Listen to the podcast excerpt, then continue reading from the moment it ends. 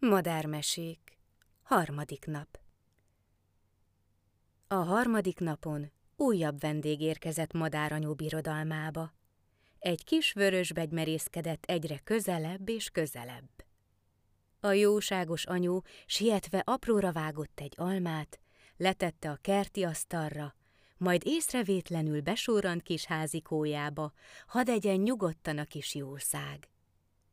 A vörösbegy aprócska gomb szemeivel felmérte a környéket, cserrentett kettőt, tollait felfújta, és így köszönte meg madáranyónak a lédús almadarabkákat. Apró csőröcskéje alatt frissen roppant a finom gyümölcs, ő pedig szorgosan szedegette a zamatos falatokat.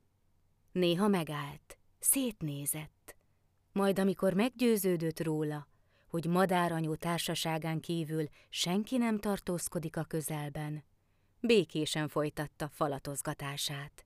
Ez az apró énekes madár tavasszal bizony nem szívesen osztozna meg vendéglátója törődésén, ugyanis költési időszakban nem szívleli a többi madár társaságát.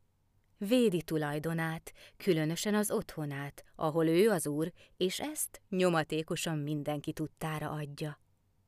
Ősszel azonban már nincsenek viták, együtt sem egészhetnek mindannyian.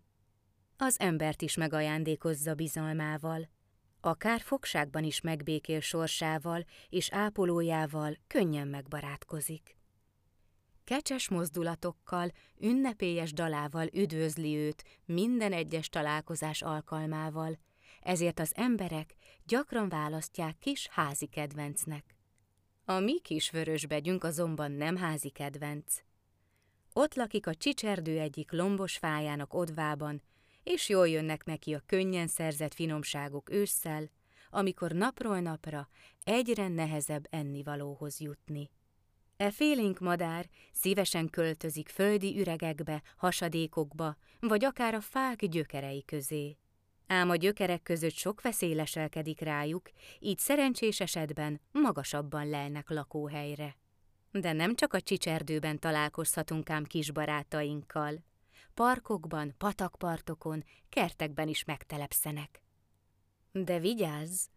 Ha tavasszal netán egy újrahasznosított kannát használnál, hogy virágot ültes majd bele, ne lepődj meg, ha virág helyett egy kis vörösbegy fog rád csodálkozni, hogy mi a manót keresel a fészke körül. A hím már nem lesz ilyen szégyenlős. Agresszívan támad a lakóhelyét háborgató kívülállókra, úgyhogy ha kitetted a kertbe azt az újrahasznosított kannát, jó, ha tudod, hogy az már nem a te jogos tulajdonod.